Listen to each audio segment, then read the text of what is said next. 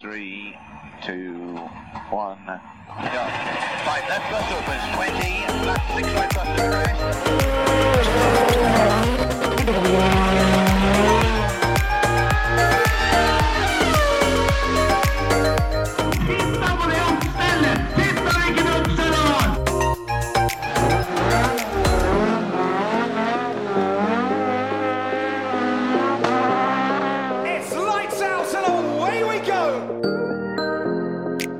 Velkommen til føremøtet. I dag er det Steikom spesial, for temperaturen eh, oppå denne brakka vi sitter på i dag, den eh, er ganske trivelig. Det er nærmere 50 enn 0. Det er helt garantert. Og skulle dere høre litt susing i bakgrunnen, så er det bare vi som prøver å komme oss gjennom kvelden med ei grov eh, ja, kjøletårn, kaller kona det, men der er vifte. Der er vifte. Eller så er, kan hende at det er lyden av den nye bilen din, Emil, som står og går på tomgang her ute. Det kan hende. Du har vært og handla i dag, du. Ja, måtte dra kortet. Ny Aris. Yes. Hva, hva har du kjøpt? Nei, det ble en RS6, da. Ble ikke verre, nei. Nei. Vi har jo gjest i dag. Det har vi. Velkommen til Frank Tore Larsen. Tusen takk for det. Du fant fram, du òg? Ja da, første forsøk. Møtte en hissig Audi nedi, nedi svingen her. Da skjønte jeg at jeg er på riktig vei. Ja. jeg tenkte på det at uh, det er vel ikke første gangen du er på disse trakter. For uh, nå husker jeg ikke helt det, men uh, du var jo og kjørte Revetallsprinten her for et par år siden. Da tror jeg kanskje transportetappa gikk omtrent utafor døra her. Ja, det stemmer nok. Det var Hva er det? Det er vel to år siden nå? Ja. Et skikkelig fint løp, faktisk. Ja, det er et løp eh, jeg hadde lyst til å kjøre eller være kartleser i i fjor. Og både jeg og han sjåføren var ordentlig skuffa over at det ble avlyst. Så får håpe den kommer i gang igjen. Det gikk jo ikke så verst for deg den gangen heller. Nei da. det var, eh, Jeg husker jeg kom rett fra asfalt og bare bygde om bilen til grus også ut på de veiene. Men det, det var liksom første svingen vi har holdt på å dra av i innersving. Og så husker jeg ok, nå må jeg huske at eh, bilen skal føre ca. en halvmeter før han tar tak. Så, så ordna det seg. Det blei førsteplass i hvert fall. Stemmer. Og det, det blir jo støtt og stadig, egentlig. Det, det har blitt noen av dem opp gjennom åra. Ja da, i, sånn, i Norge så har det blitt det. Mm. Vi, vi har hatt uh, ja, Vi har vel to NM-gull, da, og en del klasseseiere. Har du tall på hvor mange seirer du har fra du begynte med motorsport til, til nå? Altså, gokart er full oversikt, for det ble null. Der, den, der, der ble det null. den kan jeg telle på én hånd. den, er bankers. Eh, rally, nei, det, det veit jeg ikke. Det, jeg tror det har blitt en del. Jeg hadde i hvert fall Jeg tror jeg hadde ti på rappen i 2018. Ti på rad, ja. Ja. Eller ni. Ni på rad. Jeg hadde ni på ti. Det, er, Eh, det er ganske godkjent. Ja, den var fin. Den er jeg fornøyd med. Det var et bra år. Ja, eller et bra år var det egentlig ikke, for jeg skulle kjøre full EM, og så rappa vi i et sånt svært tre på Azorene. Og da, da blei det Norge istedenfor, da. Men til gjengjeld så gikk det så godt bra som det kunne der. Ja. Det treet der nede, den, jeg har sett film av den avkjøringa. Står det treet enda? Altså, jeg krasja i det treet og gikk bakover. Så det treet det rikka seg ikke en millimeter. Det må, det må tyngre lut til for, for å begynne å hogge trær der nede. Ja, ja det var sånn du Jeg tror vi kunne prøvd å holde hendene rundt det treet, og vi hadde ikke hatt kjangs alle fire. Å, Det flytta seg ikke. Da begynner det å ligne, da begynner det å ligne tre. Da må du fram med den store saga, Emil. Ja, det er ikke Vi har, vi har saga for sånt òg, så hvis det, er, hvis det er litt vonde minner, så kan det godt eh, ta oss en tur. Jeg har sett noen av de der, de der sagene dere har hjemme, og dem, eh, det skal være ei bra gran for at det skal stå når dere er ferdig. Det skal være skikkelig grovt, faktisk, da. Det er vel ikke et tre enda som har overlevd når dere har bestemt dere for at det skal ned? Nei, skal det ned, så går det ned. Det høres ut som det treet her sånn, det er eh, Jeg kan hende at Frankeren eh, kan leie dere inn for å få tatt det treet. Få En gang, en gang for alle. Bedre med Huskvarna enn med Ford. Ja. Veldig mye bedre. Eh, jeg tenkte på en annen ting. Eh, et spørsmål vi vanligvis tar litt lenger uti. Men eh, hva som er favorittetappa di her hjemme? For så tenkte jeg sånn halvveis skulle svare litt for deg. For det, du er jo faktisk smådølkonge per nå, er du ikke det? Jo, i år ble jeg faktisk det. Ja, Så du er Du sitter på tronen. Ja, ja, jeg har faktisk fatet stående på, på hylla hjemme, så den er jo helt råppe. Ja. Det er øh, Jeg satt faktisk og tenkte litt på det her om dagen nå som jeg ikke har fått kjørt på en stund, og det er noe med den, den følelsen å sitte i, på en måte, i enden av en vei, da, Og vite at de neste tre mila, sånn som det er på Smådøla, de er stengt. Jeg kan gjøre akkurat hva jeg vil. Altså jeg kan kjøre akkurat så fort jeg vil. Mm, så fort du klarer. Så fort du overhodet får lyst til. Så det å stå på toppen av Smådøla, vite at liksom i de neste jeg vet ikke, bruker jeg 16 minuttene nå, så på en måte er det ingenting som hindrer meg. Jeg behøver ikke å tenke på noe politi eller noe, noe fartskontroll eller noen ting. Den følelsen er, den er ganske heftig, og da Nei, det er vel um, Det er vel Lettmolia, vil jeg si. Lettmolia Nysetra på Sigdal Ja. og Smådøla i Numedal. Mm. Og så er jeg veldig glad i Sørlandet. Ja. Så Men ja, de er helt råpe, altså. Da har du jo fått kjørt to av dem i år, da. Ja da, Det absolutt. er jo ikke så verst, det, med tanke på åssen den sesongen har vært. Nei, nei. Og jeg har jo trua på at det blir noe på Sørlandet etter hvert Mm. Uh, til høsten, så vi får, uh, vi får håpe det stabler seg litt på beina etter hvert. Du er klar, du, hvis, uh, hvis sesongen begynner igjen? Ja da, det er vi. Bilen er eh, Den er uh, fresha opp og nylakkert og, og klar til dyst, men det, det blir nok ikke alle løpa. Det gjør det ikke. Men, men de, vi, de vi har lyst til, det blir det. Er det Rally Grimstad som ser ut til å bli første, eller åssen er det? Jeg er ikke helt oppdatert her. Det er vel i hvert fall det første som ikke er avlyst eller utsatt. Ja. Det er det. Da er det lov å, å krøsse fingra og håpe at det blir en uh, liten tur dit, da. Jeg har et annet spørsmål som uh, jeg lurer på. Uh, jeg snakka med Håkon Ask, han lurer på det. Tor Gunnar Hagen lurer litt på det. Åssen går det egentlig med Per om dagen? For nå er det ikke noe skruing og er det bare simulatorkjøring? Får han skrudd på den riggen du har, eller åssen går det med den nå? Nei, det, vi starta jo bra når det på en måte Når det stoppa ned, Fordi da blei jo bilen plukka helt ned i biter eh, og hellakkert og bygd opp igjen. Så da hadde den jo noen Da- fine dager å kose seg. Da koser han seg. Da, så, men heldigvis da, så, så begynte jo broren min et oppussingsprosjekt på huset sitt, som er da naboen til Håkon Ask. Ja. Så da har han jo fått uh, sitte litt i gravemaskinen og kose seg med andre ting der oppe. Så, men eh, Ja, for, for det var vi litt nervøse for, skjønner du, om han liksom bare gikk og tvinna tommeltott der om dagen, eller om han fikk gjort noe. Nei, det tror jeg ikke han klarer. Så han, han må finne et eller annet. Så han lasta jo ned iRacing, så han satt jo og fulgte med litt på noe løp og greier en stund der, da. Så han får nok fylt døgna uansett. Det har jo blitt noen timer der òg, på, på, på iRacing. Ja, som, som resten av Motorsport Norge eller Motorsport Verden, så har det vel egentlig blitt det nå etter at eh, alt ble stoppa opp, eh, føler jeg. Du har jo kommet deg inn i et svært team og greier, inn i hele mediasatsinga deres. Kan du ikke fortelle litt om eh, da hele Media 2.0? Jo, jeg vil vel si egentlig at jeg hadde litt sånn flaks i det jeg skulle begynne, for jeg er jo ikke um, som Benjamin Ward mener, så har jeg vel IT-kunnskaper som en 80-åring. Så det, jeg, jeg var jo nødt til å få litt hjelp når jeg skulle starte opp. Så eh, var det jo Simen S. Hagen som hjalp meg sånn med å måte laste ned og litt sånn småting. Og da kom jeg inn på en treningsserver med eh, Kjetil Bjørntvedt. Og hadde litt flaks der, og da holdt jo kjære brødrene på, og hele vår slekt og alle sammen på en måte var litt den oppstartsplassen. Da, så var jo han en fin person å spørre. Så blei det egentlig bare til at uh, Hva skal man si Det, det balla på seg litt med at vi, han hjalp oss med ditt og datt. Og så uh, tror jeg egentlig det blei en god kjemi der. Så han tenkte at da, siden jeg først bruker så mye tid på dere guttene, så kan vi jo prøve å gjøre litt ut av det. Så da, da starta vel han et eh, jeg veit ikke hva jeg skal kalle det, et litt sånn uh, sideteam da, til, til hele media, som er et stort og proffteam innen simracing. Mm. Hvor vi som har litt motorsporterfaring, men nødvendigvis ikke simracingerfaring, da, får Mm. lov til å, å lære litt av de, de gutta som virkelig kan dette. Mm. Og ja, prøve å slenge oss litt med når vi, når vi har mulighet, da. For dere rakk å kjøre siste runde, vel, da, Simracing Grand Prix? Ja, jeg fikk jo Jeg var med på det nest siste, men det var jo sånn at jeg lasta vel ned iRacing torsdagen før. Så hvis du snur resultatlista opp ned, så er jeg helt, helt i toppsjiktet. Det er, eh, noen ganger så gjelder det jo. Ja. Nei da, men da fikk jeg jo trent litt til, eh, til den siste, da. Så der var vi jo litt mer med, i hvert fall. Lite grann. Jeg så deg på hver eneste treningsøver. Alltid når jeg gikk inn, så var du der. Nå var det vel ikke jeg som kjørte 24-timersløp, og så var med på en treningsøver to timer etterpå. Nei, nei, det, det var jeg. Det var oss. Ja, det, det var oss. Den satt. Ja.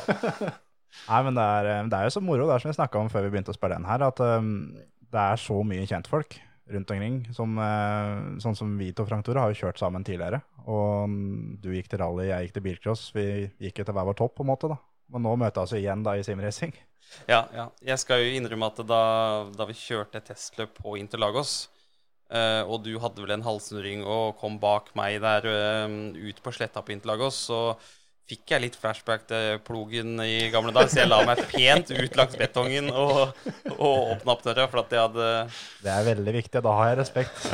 Det gjorde du lurt i, for å si det sånn. Det viser jo at all den jobben i tidligere år, Terje, den var ikke forgjeves. Nei, nei, nei. Det er veldig viktig i en god motorsportskarriere å bygge stein for stein.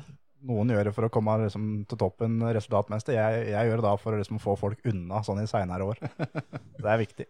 Nå som Simi Racing Grand Prix er ferdig, det betyr jo ikke at kjøring er ferdig. For det mener jeg så deg senest i går kveld. Da var du ute og kjørte GT3-bil.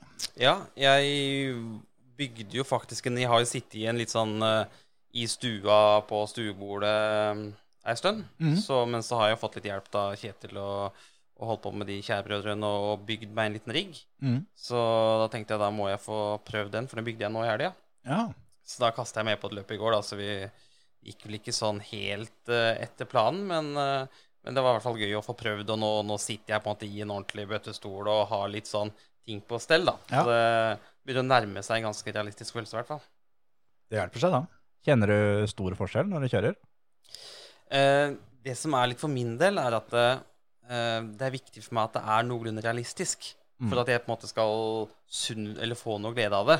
Eh, nå har jeg jo eh, kjørt egentlig mest asfaltracing innenfor sånn sim da, etter jeg begynte med det nå, for det er det jeg føler er mest realistisk i forhold til virkeligheten. Mm. Uh, og det med at jeg da sitter ordentlig i en stol, og rattet er så noenlunde der som jeg vil ha det, og pedalen er der som jeg vil ha det, så gir det en følelse som er litt annerledes enn når du sitter i, i stua og, og på stuebordet. Så det er vel på en måte den største forskjellen for min del. At du, du får litt mer realistisk følelse på det. Eller, men, men det er klart sånn, når du kommer inn i det, så vil jeg nok tro at det jo er eh, bedre. Kjører nok eh, i hvert fall tryggere med det, Ja. jeg tro. Eh, vi har nevnt tidligere at du begynte med gokart, men eh, hvorfor valgte du rally hvis du går videre? Det har egentlig alltid vært rally for min del. Altså, jeg husker jo Fattern var med og arrangerte flest sprinten, eller flest rally flestbar, da, som det het på den tida når jeg, når jeg var liten. Og sittet og sett på Henning Solberg og alle de gutta siden jeg var liten gutt. Så det var egentlig eh, aldri noe sånn på en måte hva skal man si, reelle alternativ for min del, da, annet enn at eh, rally virka jo veldig vanskelig da jeg var ung. Så det var litt sånn at eh, når jeg begynte å, å fable om det, så blei det vel bremsa litt i heimen, men så har jeg en tendens til å få mast meg gjennom uansett.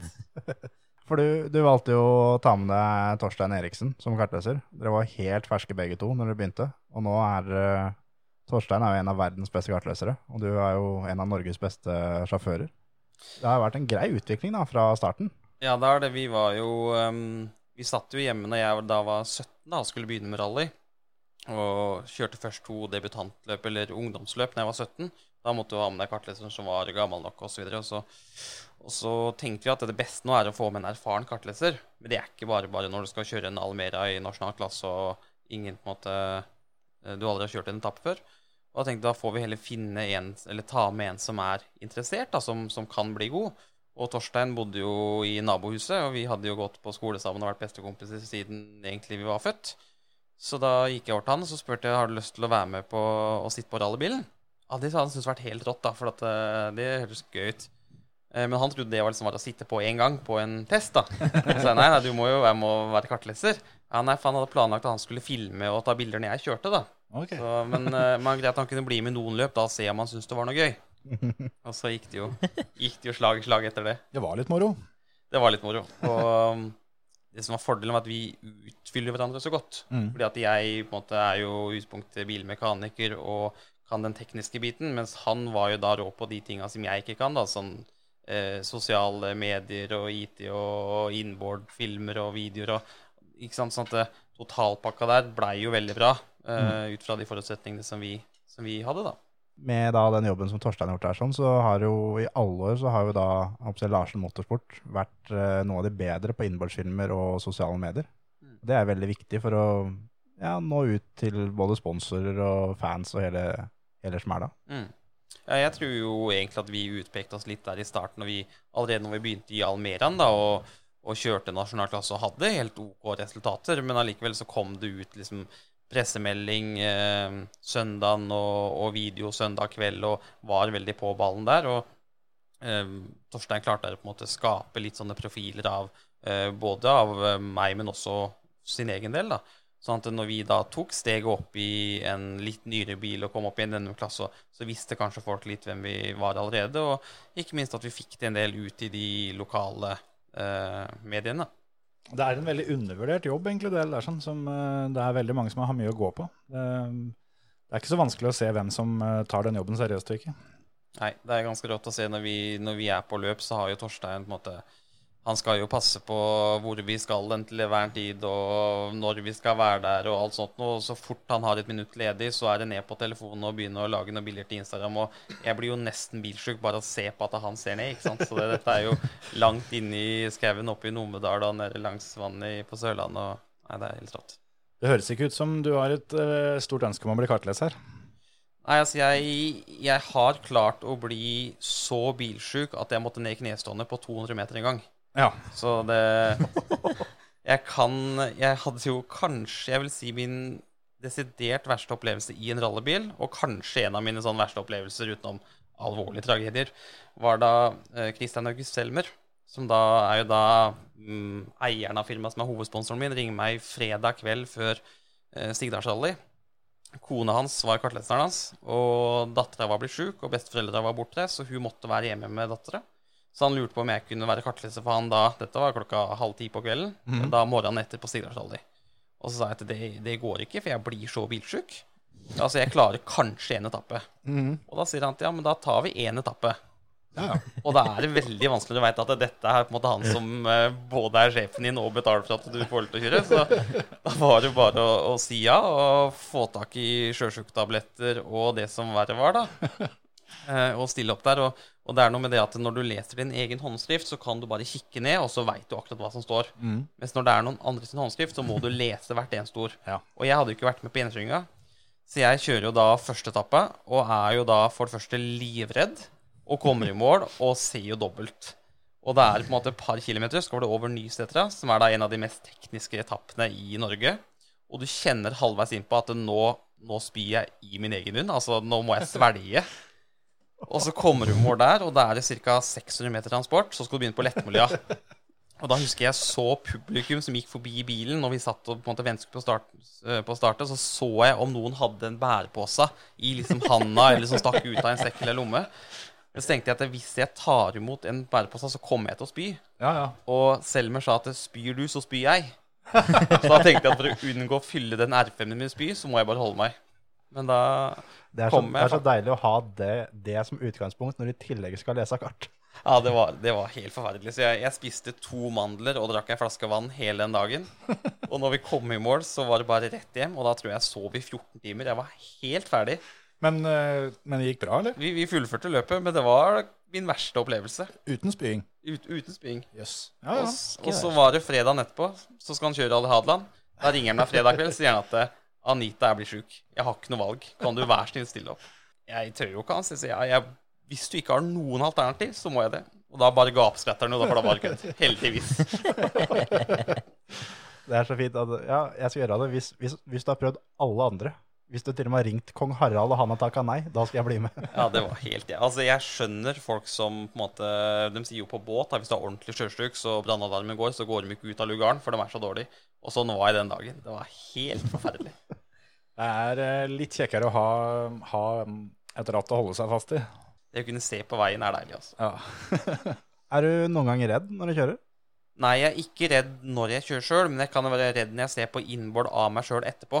Og jeg tenker sånn, hva i all verden gjorde jeg på en måte hvis når jeg over et eller annet krøn som du veit at det her skal det ikke gå flatt, men du kjemper om en seier, og du holder flatt allikevel, og på en måte bakhjulet snitter en eller annen fjellvegg, og du veit at det er et autovern og så et vann og sånne ting, så kan jeg være ganske redd i etterkant. Og jeg kan også kjenne på det på gjennomkjøringa før løpet. Det er sånn at OK, her lager jeg flatt i notene, men jeg veit at jeg har ikke lyst til å holde flatt. Men der og da i fart, så, så går det greit. Det høres ut som en ganske spenstig følelse, ja. At det, den nota jeg skriver nå, det tror jeg kanskje egentlig ikke går. Men jeg veit at jeg kommer til å prøve, så jeg skriver det. Ja. Nei, det, det blir litt sånn, i hvert fall på løp sånn som Sørland, da, hvor det går så Altså Folk sier at det er et veldig teknisk løp, men det går ekstremt fort. Det er bare at det er et vann på ene sida, så er det en fjellvegg på andre sida. Men du kan fortsatt måtte ligge med 120-130 i snitt inne på etappene, men da, da er jo marginene fryktelig små, da. Mm.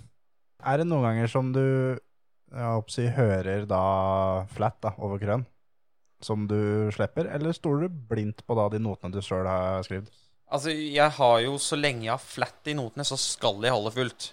Men jeg har jo noe som heter maybe, og det er den som jeg holder fullt på gode dager. Hvor jeg går av hvis jeg ikke har godfølelsen. mm. Mens flat, den skal, den skal være flat. For det er vel fortsatt sånn at det er enkelte dager hvor du bare er litt Supermann. At eh, alt, eh, alt det du prøver på, det, det sitter. Ja, vi har hatt noen sånne spesielt på Sørlandet, egentlig. Ja. Har vi hatt noen sånne løp hvor, hvor det føles som at det er nesten ubegrensa hvor fort du kan kjøre. Og det er gøy når du på en måte kommer i mål og, og hører at du er foran Veiby, som måte, du veit er i toppen i VM, og du føler fortsatt at de har et lite knepp å gå på. da. Det, det er ikke hver dag, dessverre. Det er, vel, eh, det er vel desto verre når du har den dagen og kommer i mål og ser at oi, det var visst et stykke bak. Ja. Det, det er egentlig 2015-sesongen min oppsummert mot Eivind Brynildsen. Ja. Åssen kan du beskrive det når du har eh, en jeg Du føler du har hatt en perfekt etappe. Alle svingene sitter da helt uh, perfekt, og så blir det frakjørt. Åssen er den følelsen? Jeg, jeg, har nok aldri hatt den følelsen helt, sånn at jeg på en måte har følt at alt har vært perfekt. Men jeg, men jeg hadde Vi hadde jo på en måte en sånn oppadgående kurve hele veien fra jeg starta. Og til og med 2014, da, så var det første, løp i R, eller første året i R5. Og så kom 2015, og så følte vi da liksom at vi kunne slå hvem som helst. Og så kom Eivind da i den uh, i Fiestaen og skulle kjøre NM, og, og hadde jo typ 50 VM-løp under beltet og er jo en, en sinnssykt rå sjåfør. Eh, men da var det sånn at eh, jeg følte uansett hva jeg gjorde, så, så klarte jeg ikke å holde følge. Men, eh, men sånn i etterkant, da, så, så er jo det en sesong som jeg lærte utrolig mye av. For at du visste hele tida at det, det er en der som er raskere enn deg. Og det som var som han, var at eh, han starta ett tempo om morgenen. Og om han leda med 30 sekunder halvveis, da, så slo ikke han av på tempo. Så du visste at eh, hvis du var eh, på en måte innafor skuddhold mot slutten av dagen, da, så var det det samme tempoet han lå på da. Fordi at han hadde så flyt i kjøringa si. Så den sesongen der er nok min på papiret dårligste, men, men kanskje en av de mest lærerike, da. ja.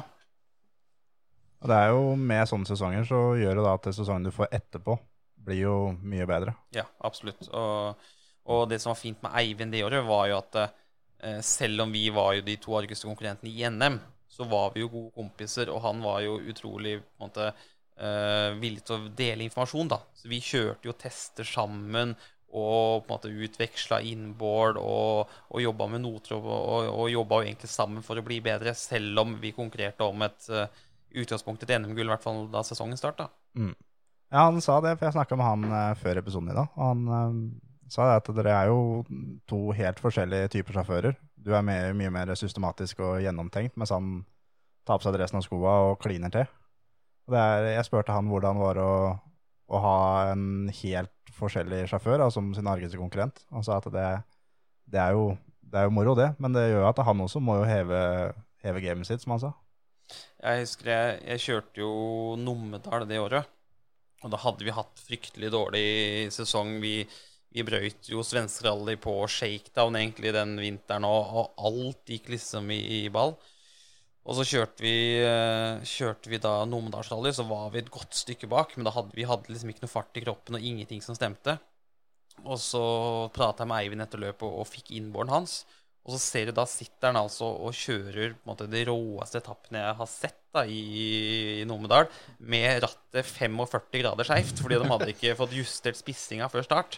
Og da bare tenker jeg sånn Hva, hva foregår oppi huet? Altså jeg må liksom, Hvis jeg, mitt ratt er en centi ut av kurs, da, så skal jeg ha dette perfekt, for alt skal være på stell. Mens han kan da stille opp med rattet helt på halv fem og sette de tidene der. Det, det er helt rått. Bare sett deg på ny teip, vet du, så står rattet rett. Ja, tydeligvis. Men eh, jeg har jo også jobba litt for Eivind i VM-runder. Eh, spesielt da i, i svensk rally, som jeg har vært med han to ganger og skrudd for han. Og selv om han på en måte kan være litt sånn noen ganger at uh, ting går, da, så, så er han nøye på de tinga som er viktig. Så det er ikke tilfeldig at han, han er så god som han er. Og det at rattet står rett, det er ikke, det er ikke under lista på viktig.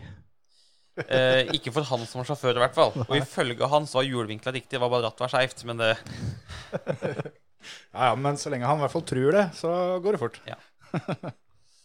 Du hadde jo en, eh, en eh, smell i Hurum hvor det ble starta en kronerulling fra din største konkurrent. Hvordan var det?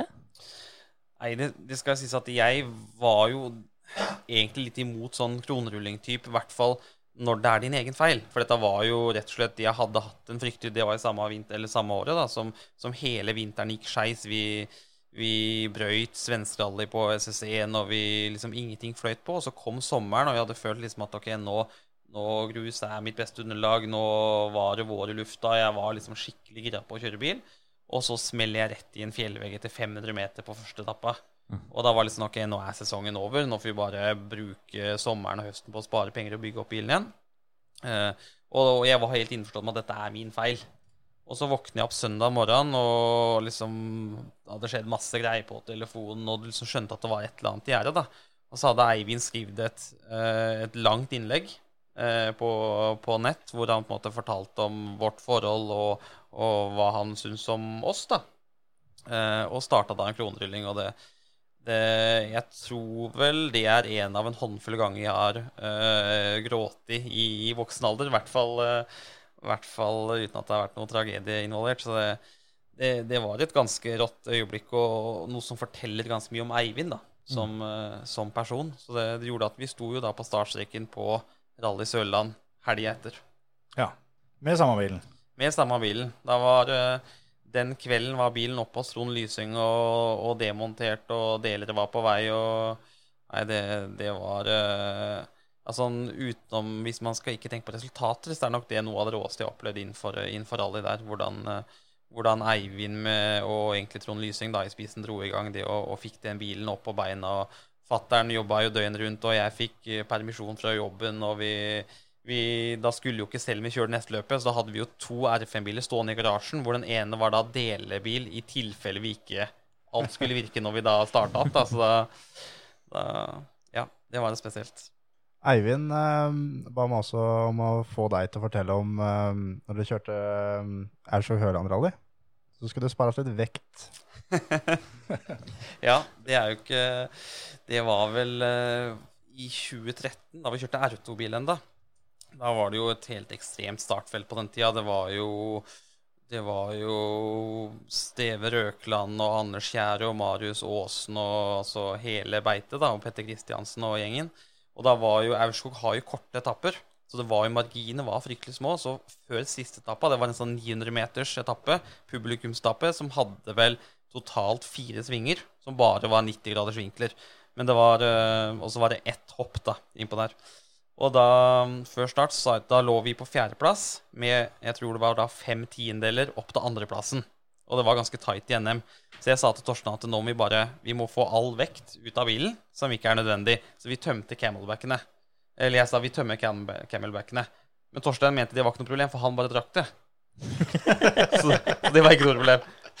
Og så at jeg veit, ikke om det er helt sånn det funker, for jeg vil helst ta vekta ut av bilen. Så hvis du har planer med å bli med, så tømmer du den ut. Enten så tømmer du camelbacken, eller så må du sitte her. Og da var det på den etappa i tillegg, da, for å ta med det samtidig, der var det da et sånn bygd sånn skikkelig sprettopp, som var etter at det var, liksom, at det var lang slette ut fra start, hvor du tømte da Jeg tror du putta 50 gir. Så var det et sånn skikkelig spredtopp og så var det 90 meter nedbremsing, vinkel venstre, vinkel venstre, vinkel høyre mål. Ja, så det var fire eh, tre svinger. Og da satt vi med fattern på telefonen vi kobla til intercomen, hvor han da skulle fortelle hvor mye alle sammen bremsa over det hoppet. Fordi det kunne du ikke holde fullt over, med, i hvert fall med en sånn framoverstrykker, for da spratt den frampå. Og det var jo der du så disse Gruppe N-bilene stuka jo nedi, og skliplata gikk av, motoren tok fyr og alt det greiene der. Og han liksom da er vel da type Anders Kjær og et par som kom, og, og Anders Kjær bremsa, gira ned et tak, Nestmann bremsa litt.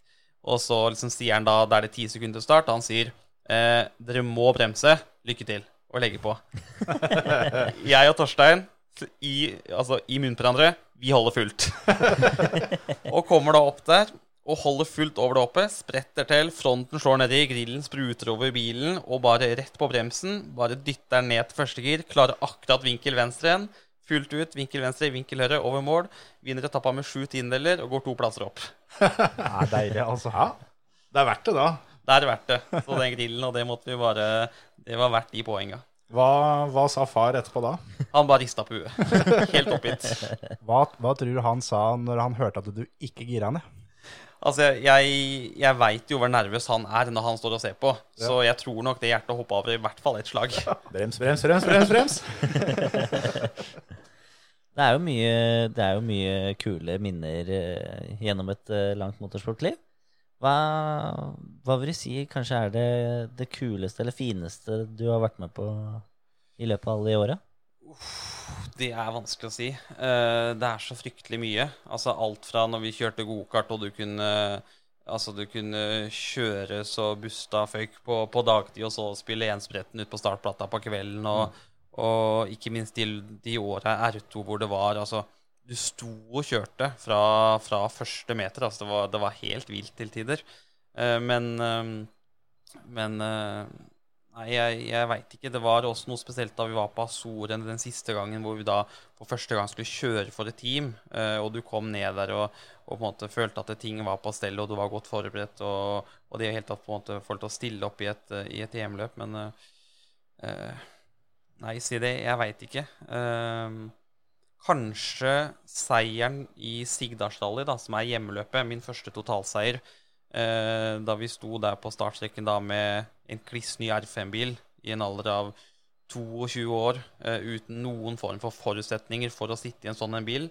Vi hadde jobba da i seks måneder med å, med å få det til, eh, og så at du da vinner på hjemmebane det første løpet. Det, og det var ikke Det er langt ifra min sterkeste sportslige prestasjon, men det er nok kanskje en av de jeg setter høyest fordi at det, det lå så mange timer bak. Eh, vi fikk til noe vi ikke trodde var mulig, og, og ikke minst da på hjemmebane med så mange kjentfolk. og ja, så den, den sitter høyt. Det løpet husker jeg ganske godt, for da hadde vi rallyradioen, Kjetil. Ja, det stemmer. Det begynner å bli noen år siden, det òg. Det var jo, det var total utklassing fra start til slutt, det løpet der. Jeg husker jeg hadde tippa deg som favoritt som vinner, så det, jeg vant den nå. Ja, Du hadde Steve Røkland. det hadde jeg. Han ble nummer tre totalt. Ja. Så det var ikke så gærent. Nei da. Eh, du snakka jo om at eh, var det da 2018 som du skulle kjørt EM? Eh, er det et, et mål du som du fortsatt har? Eh, nei, det er det ikke. Det, var, det er vel, kan du si, det eneste som jeg føler jeg ikke har fått oppfylt, da. Ja. Det er vel egentlig det at um, vi, jeg har jo hele veien satt meg Først så var det jo det å begynne med rally. Fikk jeg beskjed av fatter'n at det er uaktuelt, det klarer ikke vi å drifte en rallybil og, og få til det. Og så begynte vi jo med, med eh, Almeran, og gjorde det ganske bra da. Så sa jeg liksom hva er neste mål nå? Nei, det er å, å um, kjøre en NM-klasse. Nei, det var helt umulig, for da måtte du ha bil til flere hundre tusen, og det koster jo for mye. Og så gjorde vi det, og så vant vi NM. Og så var det jo da totalvinnet totalvinne et løp, og så kom vi da inn i, i R5-bil og klarte jo det og vant NM med den. Men da var på en måte det neste målet mitt da var å kjøre en hel internasjonal serie. Eh, og da var det EM i Såshus som var det mest realistiske. Og jeg føler vel egentlig at min kjørestil og på en måte, hva skal man si, framgangsmåte da ville passa enda bedre i, i større og mer krevende løp. Men der har vi aldri klart å stille opp på like forutsetninger og muligheter som de er konkret mot, sånn at eh, vi har feila litt av de, de forsøka hvor vi har fått i utlandet. Så det er vel kanskje det eneste drømmen jeg har hatt som jeg ikke har klart å oppfylle, er det å kjøre, kjøre en full internasjonal serie. Og det toget har nok gått for min del nå.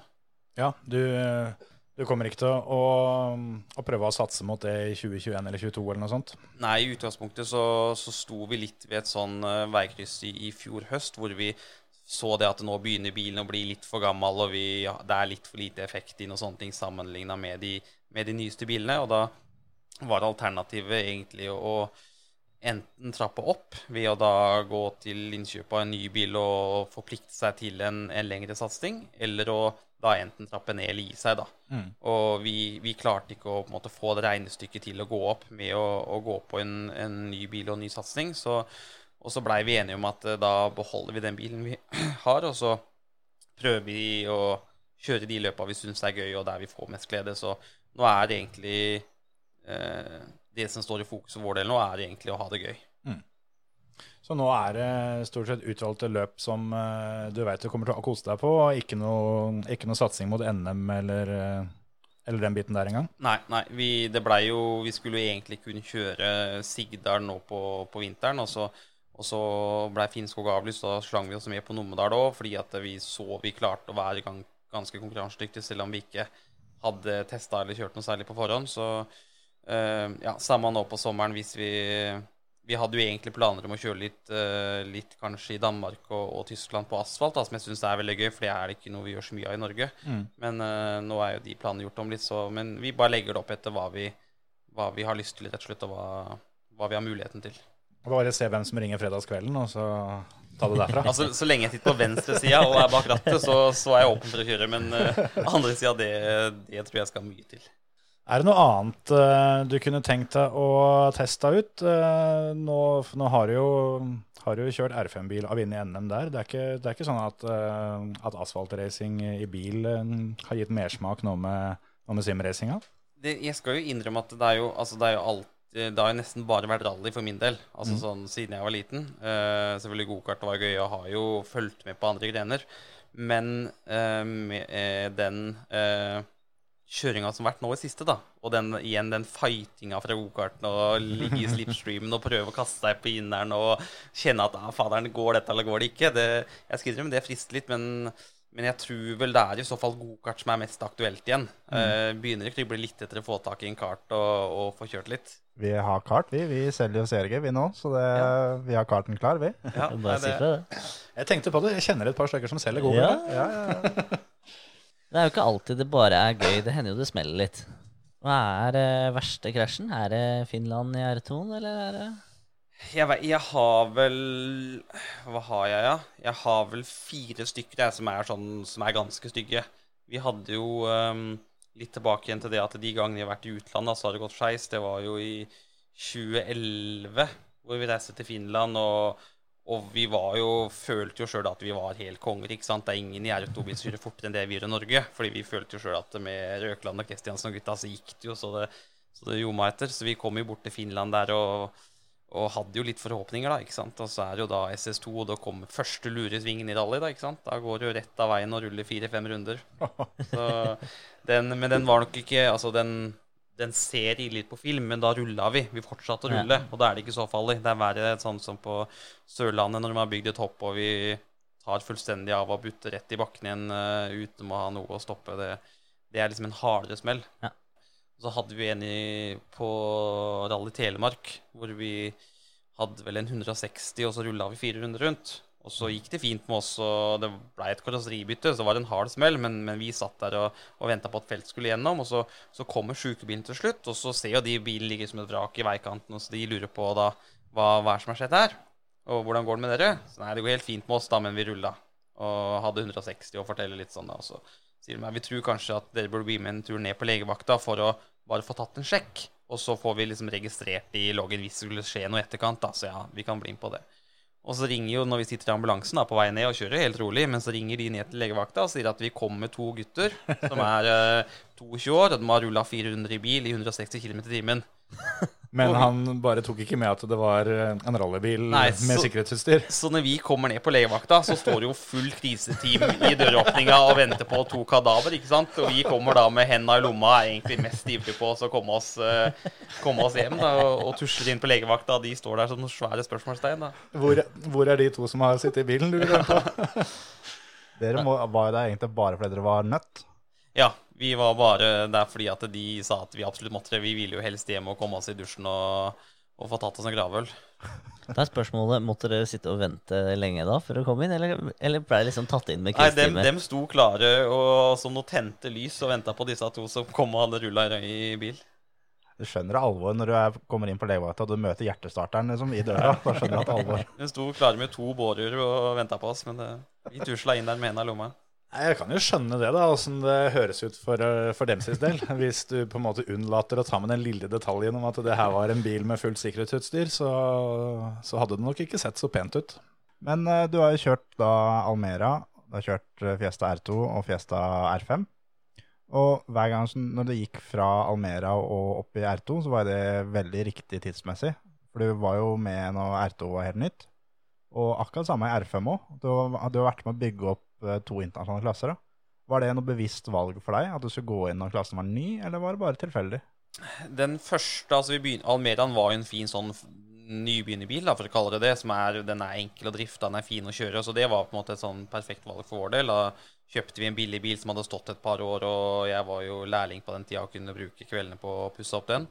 Eh, og så var jeg innom med en Fiesta ST først, faktisk. Eh, og så kom jo da den R2-klassen, og Petter Olfsen hadde jo da en R2-bil.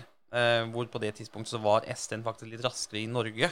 Men vi så det at R2-bilen er framtida, så vi bytta eh, den gangen. Og satte oss egentlig rett inn i den bilen. Og var jo da raskere eh, enn ST-bilene. Og så var det vel egentlig at jeg følte at nå har jeg ikke så mye mer å hente etter vi hadde hatt noen sesonger i R2-bilen. Og jeg følte at vi, vi sto og kjørte, og risikoen var jo skyhøy hver gang vi, vi tok på oss hjelmen. Så jeg følte at nå er jeg klar for noe, klar for noe nytt. Og da, da kom jo den R5-klassen akkurat da. Og egentlig så var jo det litt sånn uoppnåelig for vår del med de summene og de tinga, men, men konseptet var jo at det skulle være billig da i, i sånn sammenligna med, med den alternativen som var der på det tidspunktet. Så mm, jeg begynte jo der egentlig da å legge en plan den våren og sommeren om hvordan jeg skulle få til det. Og så jobba jeg med det i to-tre måneder for å på en måte ha en, en god plan. Eh, før jeg da la fram den da for uh, til mutter'n og fatter'n. Og de himla med øynene jeg begynte, men innen jeg på en måte viste da absolutt hele regnestykket og hvordan jeg hadde satt opp planen min, da, så, så var de litt på glid etter at jeg grubla litt på dette i, i noen uker. Og så, og så klarte vi jo da til slutt å, å få det til, da. Hva er den store forskjellen mellom R2 og R5, annet enn at det trekker på to hjul ekstra? Eh, Og at det går fortere, selvfølgelig. Altså, inni bilen så, så er det veldig mye likt. Altså, En R2-bil er en skikkelig racerbil. Det er sekvensiell giring, det er ordentlige bremser, altså det, det bråker og, og, og smeller. Men, eh, men det er den føringsveien da, hovedsakelig på den R5-en, og måten du kan flytte vekta. Altså, det er litt sånn Når du bruker en sånn en bil riktig, så er det nesten ubegrensa hvor fort du kan kjøre. Fordi at du, du flytter vekta akkurat dit du vil ha den. og og det er så ekstremt effektivt da, på skauen. Så det blir en litt annen kjørestil, samtidig som du, du tar jo med deg det du har lært i R2-bilen, som er eh, mer motorsvak. Men, eh, men når du får drift på alle hjula di, så, så er det sånn at du nesten kan fly til tider. Skal vi eh, ta et eh, spørsmål fra forrige ukes eh, besøkende? Det kan vi gjøre. Fra Jarl Teien. Ja, liker du asfalt eller grus mest? Eh, der jeg har best resultater, er nok uten tvil grus. Eh, snøen er litt sånn at jeg føler brøytekantene hindrer meg fra å kjøre de sporvalga de tinga som vi er vant til fra gokarten, mm. som jeg virkelig på en måte vil utnytte veien. Eh, grusen er nok der jeg har vært best opp igjennom. Eh, nå kjører vi såpass lite asfalt i Norge at det, der er vi jo nok litt unna nivået til de beste. Men da vi begynte med det nå for et par år siden, som vi fikk det understellet til bilen, så skal jeg innrømme at det var jo ekstremt gøy, da. Men forskjellen er at eh, på grusen så har du den sladden du kan hente inn. Du kan på en måte dytte ned et gir og bare gi bånn gass for å hente den inn igjen. Men på grusen, nei, på asfalten så er det sånn at idet du går over 100% veigrep, da, da har du skikkelig problemer. Ja. Så den, den kjenner jeg litt mer på på skauen enn uh, vi gjorde i gokarten. Du har, du har liksom ikke den muligheten til å hente deg inn igjen på asfalt. Slipper det, så slipper det. Ja, så jeg hadde jo Vi kjøpte jo det understellet i 2017. Da hadde jeg ikke kjørt en meter asfalt med R5-bil. Altså vidt prøvde på Larvik-sprinten og noe sånt med, med, med R2-bilen. Og da reiste vi over til Sokkendal og skulle kjøre løp der borte på da sånne vestlandsveier da med fjellkantskrenter og tunneler og det som var. Og sto da på Da hadde jeg ikke kjørt en meter test, og vi sto der på lørdags morgen, og himmelen hadde åpna seg hele natta. Altså det var overvann på veien, og du sto der med da, en R5-bil og skulle kjøre din første meter på asfalt på de veiene. Da skal jeg innrømme jeg var ikke så veldig høy i hatten i første innbremsinga der da, for å kjenne på hvor, hvor tar dette tak. Når du da kommer fra, fra gokart, eh, måtte du følte at du måtte lære deg å kjøre på grus, eller følte at det lå litt naturlig for deg? Jeg, jeg tror nok du må lære det litt. Altså, uh, i mine øyne, da, fra gokart, så det som du kan ta med deg inn i rally der, er veldig mye den uh, det, det å være detaljorientert. Altså Hvis du justerer en millimeter på forskning av gokart, så er det kjempeforskjeller. Altså Løsner du en eller annen skrue i chassis så den blir mykere på det punktet, så kjenner du det. Ikke sant? Altså De detaljene og den loggføringa og, og den biten fra gokart, den tror jeg at jeg har tatt med meg inn og lært mye av. Men i rally så er den ryggfølelsen er så viktig. Og eh, den blir litt sånn motsatt i rally enn hva den er i gokart. Så akkurat på den biten så tror jeg nok crosskart kanskje er bedre eh, inn mot rally og, og den eh, grusbiten. Mm. Mens den der detaljorienteringa fra gokarten, den er vel den som jeg har følt jeg har fått mest nytte av. Du jobber jo eh, for, som du nevnte i stad, for en av konkurrentene dine. Eh, hvordan eh, har det vært å kombinere jobb og satsing for din del? Det høres ut som det har vært forholdsvis greit. Ja, jeg har jo vært heldig spesielt i Røne Selmer, da, hvor, hvor på en måte eieren også har kjørt RFM-bil sjøl. Så det har vært, det har ikke vært så vanskelig å få fri til løp. Men jeg har jo, og det er jeg litt stolt av, at jeg har jo jobba 100% hele veien. Så i ti år så har det jo vært sånn at jeg har jobba eh, egentlig døgnet rundt. Altså fra jeg har stått opp til jeg har lagt meg med, med først åtte timer på jobben, og gjerne da til tider da stå opp klokka det var På verste så var jeg oppe sånn kvart over fire hver dag og trente, og så på jobb, og så i garasjen, og så da litt sånn papirarbeid og sponsorarbeid på kvelden. Så til tider så har det blitt uh, mange timer, men eh, det har jo Jeg har aldri fått regnestykket til å gå opp med å slutte å jobbe, fordi den inntekta har jo også gått rett i rallyen, så jeg har vært heldig at de jeg har jobba for, har lagt til rette for at jeg kan gjøre det, men samtidig så, så har jeg putta inn de fleste timene på, på utsida arbeidstida.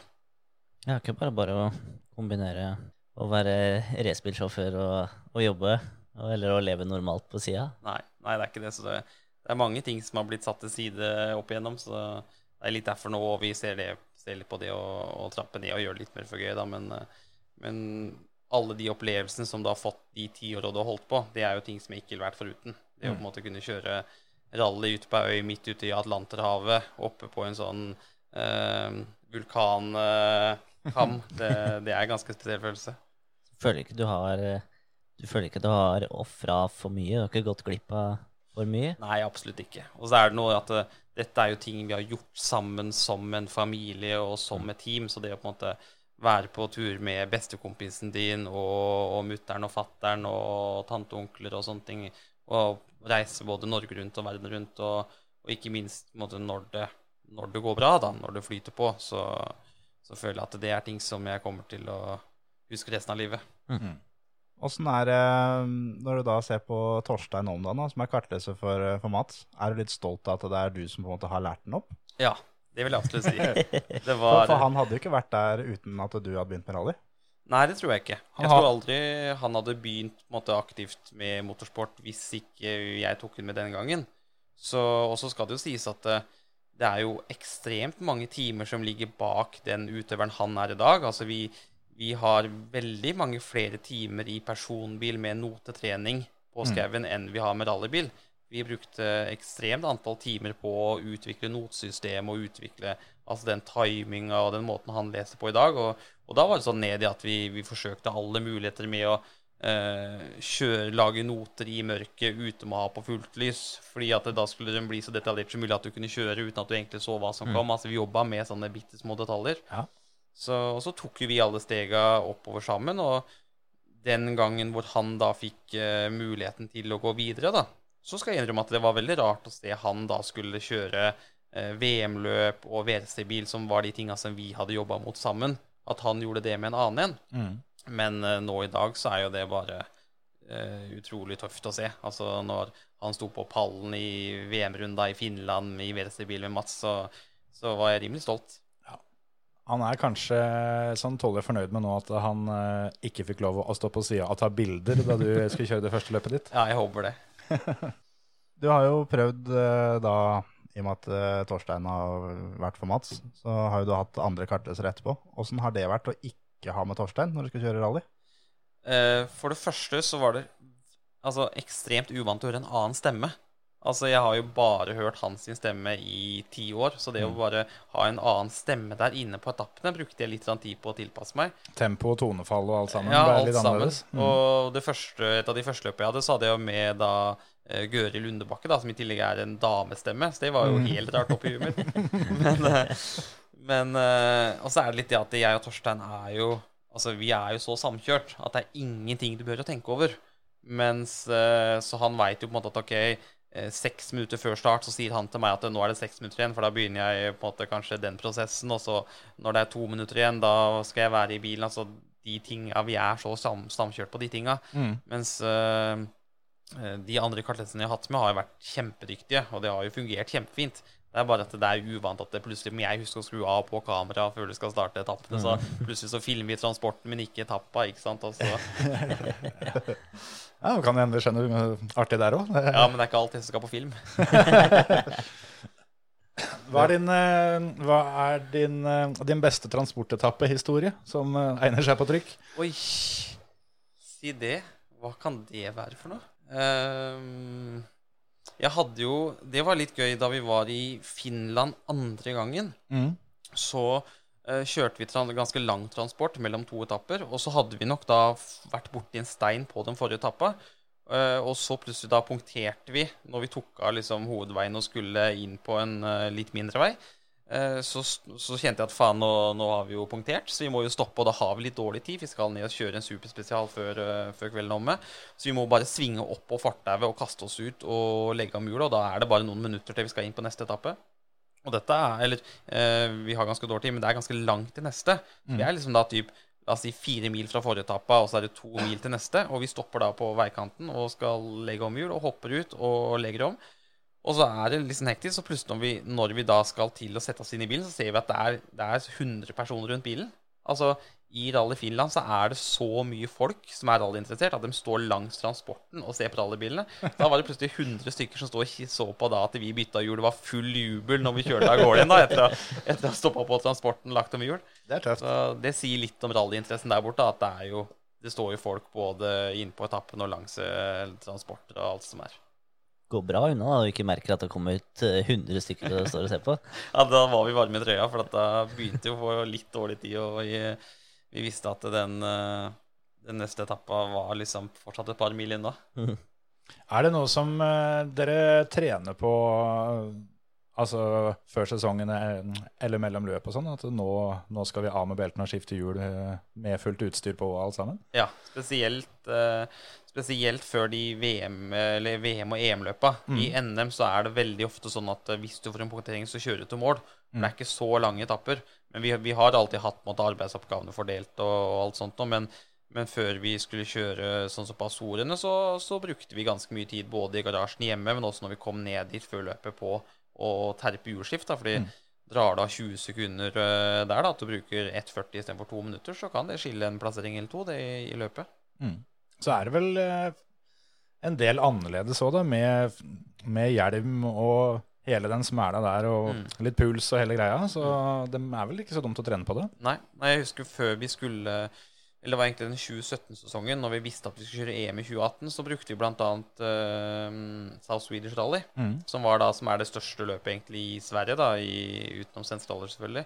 Det brukte vi da konkret til alle mulige arbeidsoppgaver som vi visste vi kom til å behøve i, i EM neste år. Så vi, vi kryssbytta hjul mellom egentlig nesten hver eneste etappe. Vi lufta bremser, vi justerte høyder. Altså alle de tinga som du kanskje kan få behov for da, i større løp, de gjorde vi da mellom etappene her. Helt unødvendig. altså sånn eller altså klart det er fint å fordele dekkslitasjen, da, men, men da jobba vi med de tinga for å se ok, vi behøver fire minutter for å lufte bremse foran, vi behøver seks minutter for å lufte både foran og bak, vi bruker så og så lang tid på kryssbytta, så vi terpa på de detaljene. da. Mm. Det, det er jo sånne ting som jeg syns er sinnssykt gøy å jobbe med. Altså de detaljene der. Ja, ja. Da, da er det du som legger planen for løpet. At det etter den etappa, da skal det kryssbyttes hjul. Etter den etappa, da skal du lufte bremser. Og du dæven som jeg gleder meg til å lufte bremsene. Ja, ja. Det er jo de tinga som Og det syns jeg var så gøy da. Og det er de tinga som jeg veit Torstein syns er dritkjedelig i VM nå. For der må du gjøre det mellom hver etappe. Ja. Mens da var det en spennende greie som du ikke gjorde vanligvis i Norge, men som var noe som du visste måtte gjøre når du skulle ut i, i det store utlandet. Kult. Apropos kartleser her. eh, Om du, om du skulle kjørt et, eh, et løp igjen nå, og du var helt tom for, eh, for folk å ha med deg Du må ta en telefon fredagskvelden, men du kan ringe til hvem du vil, og de kommer til å si ja. Men du må velge noen som ikke er kartleser her. Hvem, hvem ville hatt med deg på løp dagen etterpå?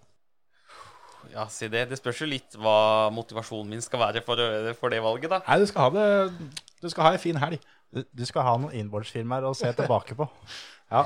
Altså for å si det sånn da, Etter å ha hørt på denne podkasten, så er Nils veldig høyt oppe på den ønskelista. For da tror jeg jeg kunne fått ei morsom helg, for å si det sånn. ja, det tviler jeg ikke det på. hørtes ikke så dumt ut. Nils tror jeg er en fin kartleser. Ja, det tror jeg. Jeg tror ikke du kjeder deg da, for å si det sånn. Men det er klart, eh, jeg har jo hatt, hatt med Morten Erik Abrahamsen på noe løp, og det er ikke så, de historiene der er ikke så langt unna det Nils kan komme. med, altså. Nei, det vil jeg tro. Vi har eh, fått et spørsmål fra Tor Gunnar Hagen. En uh, girspak i eh, Rally Telemark. Ja. Den knakk, den. Den knakk, den. Det var jo det året vi kjempa om NM-gull, eller det året vi endte med å ta NM-gull. Så jeg mener, hvis ikke jeg husker hva, så leda vi løpet. Og så sitter jeg inne på etappa, og så Du må jo være litt brutal da, i en sånn rallybil med sekvenselgire, så jeg napper jo til, da. Problemet er at jeg sitter jo da med girspaken i handa. Åssen er den følelsen? Altså, Napper den, på gir, og så blir spaken med, liksom. nei, den, den er ganske kjip, for at du, du, du catcher jo veldig fort hva som har skjedd. Og du veit at ok, jeg skal kjøre så og så mange etapper til, og dette her har litt å si, da. Så jeg må jo bare komme meg til mål der. Men eh, nei, det, det blei hektisk. Da var det ned og prøve å på en måte få dratt i denne spaken på bånn, da. Men da har du jo ikke så mye arm, så det blir jo ganske vanskelig. Så vi, vi klarte jo da å få satt da spaken til øh, jekken nedi og festa den der. Så siste etappa så er jeg jo helt oppe på tempo igjen. Altså Da sitter jeg da med en sånn Med da en liten sånn jekkespak da, som er altfor tynn egentlig til det hølet. Så den slingrer jo litt sånn rundt, sånn som hvis du sitter og kjører en gammel buss. da. Sånn du må, du må liksom veive litt da, for å få tak i girspaken, ikke sant? og så få da nappa i den og, og kjenne liksom at ting ikke helt henger sammen. Men uh, det holdt jo da til at vi fikk med oss noen poeng derfra òg. Er spontantanken det at eh, du på en måte først tenker hvem, hvem gir bilen står i, og kan jeg kjøre til mål på dette? Ja, det tror jeg nok. Det tror jeg nok. Og så uh, er det utrolig hva du får til når du først må. Altså, jeg husker vi, vi kjørte uh, Vestfoldsprinten, tror jeg det het. Så var det sånn sprintløp på asfalt. Uh, og da røyk vi jo en bremseslange. Det, det var jo da med R2-bilen, og vi eh, ja, Hvorfor det skjedde, veit jeg ikke, men vi røyk i hvert fall bremseslange eh, på det ene hjørnet foran. Så jeg hadde jo da fortsatt håndbrekk. Det er hydraulisk, så jeg kunne bremse med den. Men problemet på den bilen var at eh, håndbrekket var nærmest meg, og så var girspaken. Og når jeg da skulle sitte og kjøre, så klarte ikke jeg både bremse og gire ned samtidig. Da måtte jeg sitte da med høyrehanda på håndbrekket og gire. Og så måtte Torstein sitte og lese noter og gire med eh, Så jeg måtte sitte med høyrehanda og bremse på håndbrekket. Og Torstein måtte lese noter og gire med venstrehanda. Så inn mot svingen igjen så bremsa jeg, og så sa jeg ned to hakk. Nå og nå. Så måtte det passe med kjøringa mi. Og så måtte jeg da dytte vekk handa hans, sånn at jeg kunne begynne å gire opp igjen. Ja. Og så inn i svingen så måtte han ned. Men eh, Så du finner løsninger, og vi vant faktisk det løpet òg. Det vil jeg tro er, eh, er en oppgave han ikke har hatt altfor ofte. Jeg tror nok det eneste gangen, faktisk. Jeg, jeg tror han Tror ikke han får den i VM. Nei, si hvis bremseslangen ryker, da, så kan det. Da må Ja, bæsj. altså, da har han erfaringa, da. Ja da. da har han trener på det, og han har et punkt på, på CV-en sin som eh, ikke de andre har. Ja, absolutt. Når du vokste opp, eh, hvem var forbildene dine? Ehm, sånn i det store og det hele så var jo Petter uh, Solberg var jo veldig stor. Altså det var jo Jeg var jo ti år gammel da han slo igjennom, og det var på en måte rått å, å se på han. Men sånn nasjonalt sett så har jeg hatt veldig mange. Altså Jeg var jo med Petter Rolfsen, som var jo en fryktelig god gokartsjåfør i første omgang. Og han, han kjørte jo rally, og jeg var med han og skrudde da jeg var yngre. Uh, og så var jo Martin Stenshorne, bodde jo rett oppi gata og ble norgesmester fire ganger der. Og eh, ja, så jeg vil si Petter kanskje er på en måte det største idolet og den du har sett mest opp til. Men, men det har vært mange sånne små på veien som, eh, som de gutta jeg nevnte, og ikke minst Sveinung Biltvedt, som er litt sånn samme, samme typen, da, som, som kom fra en, en vanlig familie og, og jobba seg oppover. Og, og ikke minst etter hvert da Eivind, som jeg har fått kjøre mot, og ja, både Mats og Andreas for så vidt òg. Det høres ut som eh, dere kan ha noen artige nabofester. Da. Det er en, eh, er en del karer eh, oppi nabolaget ditt som, uh, som veit hva det vil si å ha litt bensin i blod. Ja, hvis du slenger på Sverre Isaksen og Morten, Morten Bermingrud og gutta, så kan det bli ganske spennende fest, det, tror jeg. Ja. Det har, eh, det har ikke frista noe, det, da. eh, Apropos Isaksen og Bermingrud, det å, å prøve rallycross. Jeg, jeg har sagt jeg kan gjerne kjøre rallycross, men da skal ikke jeg skru på bilen sjøl. For det ser ut som så mye arbeid når en eller annen gærning kommer og klinker inn i sida på deg. og det, Jeg er ikke noen biloppretter, selv om det kanskje har sett sånn ut til tider. Så er det mekaniker her, så det, eh, jeg skulle gjerne prøvd det, men da, da tror jeg ikke jeg hadde orka å gå på den jobben sjøl mellom løpa. For det, det er litt sånn som jeg òg tenker, da, vi som kommer fra gokart, at øh, hvis en er på innsida av noen, så skal en jo ikke slippe opp. Og i rallycross er det mange som gjør det for å spare arbeid etterpå. Det er litt sånn for din del òg, som kommer med gokart i bånn. Du hadde jo ikke sluppet hadde du vært på innsida igjen i rallycross. Nei, jeg hadde ikke det. Og det, det var jo litt det jeg sleit med da jeg begynte med iRacing nå.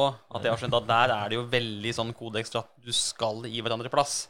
Og det var ikke jeg så vant til når jeg på en måte var da tilbake i gokarttida. Så var det jo litt sånn at du kunne jo legge deg litt innpå folk. Så det, det har jeg skjønt at det er ikke godkjent. Nei, det, det møtet når det ble tatt opp av Racing, der var ikke jeg heller. Så det, Ikke jeg heller. Det har jeg faktisk lagt merke til. Det må være lov å skubbe litt dør, vel. Det må være lov. Ja, ja. det er som jeg og Emil snakka om i stad, at det, når en lever etter det livsmottoet at kjeft er gratis, så er blir det ganske mye mer moro etterpå. Du har jo alltid hatt mye sponsorer, da. Hvordan, eh, hvordan kom du deg i gang med, med den ivrige og bra sponsorjobbinga du alltid har gjort? Altså Det som er da, som vi har vært heldige med, at vi har hatt mange lokale. Mm. Vi har aldri hatt liksom noen sånn ordentlig store sponsorer. Men vi begynte typ første året var og gikk rundt og spørre om hvis du ville få liksom et, merke på, et lite merke på bilen, så fikk du Eller det kosta 3000. Ville du ta et ganske mye større, så kosta det 6000.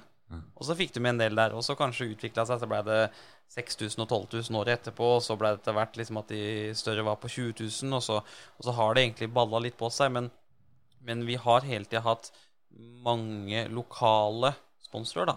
Mm. eh, Som gjerne ikke har vært så store, men, men til sammen så utgjør det eh, en ganske god sum.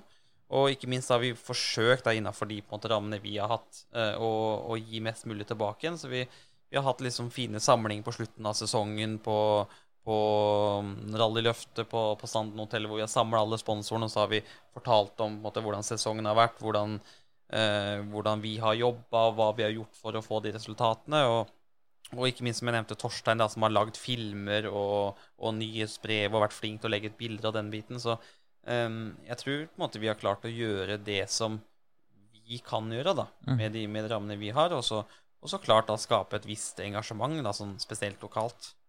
Hvor mye jobb er det det må, må legges ned for å kjøre opp i, i toppklassen da, i Norge, som med sponsorer? Det, det blir ganske mange timer.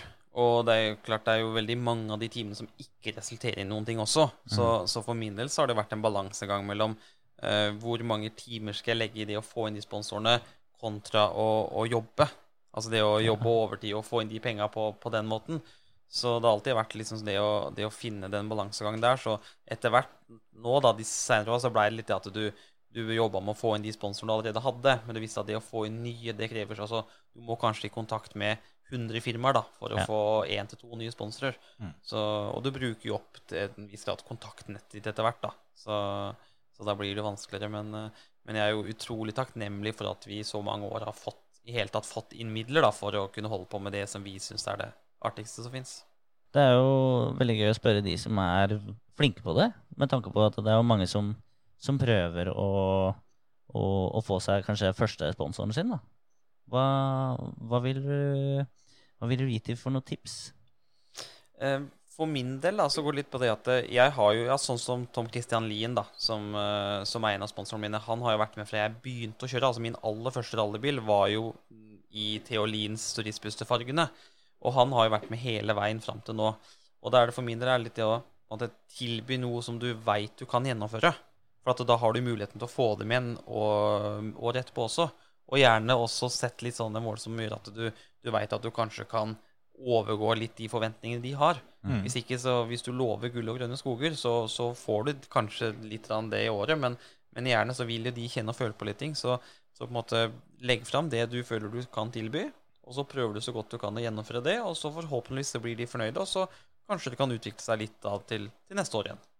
det å være litt realistisk er målsettinga du, du prøver å selge inn, rett og slett. Ja. Det, det høres jo ikke så dumt ut, det. For det, om du lover NM-gull og blir nummer åtte, så er det kanskje noen spørsmål når sesongen er over. Det er akkurat det. Og, og plutselig så er det jo han du kanskje da får 5000 kroner av. da. Han syns dette er sinnssykt fett, og så har han en eller annen bekjent da, som driver et svært firma som plutselig kan eh, sponse med dobbelt eller ti-gangen av det igjen, fordi at eh, den han har en god opplevelse med det du holder på med. Mm. Så det er litt mer den veien hvert fall vi har valgt å gå, da. Selv om uh, kanskje hvis du bra, det. Ja da.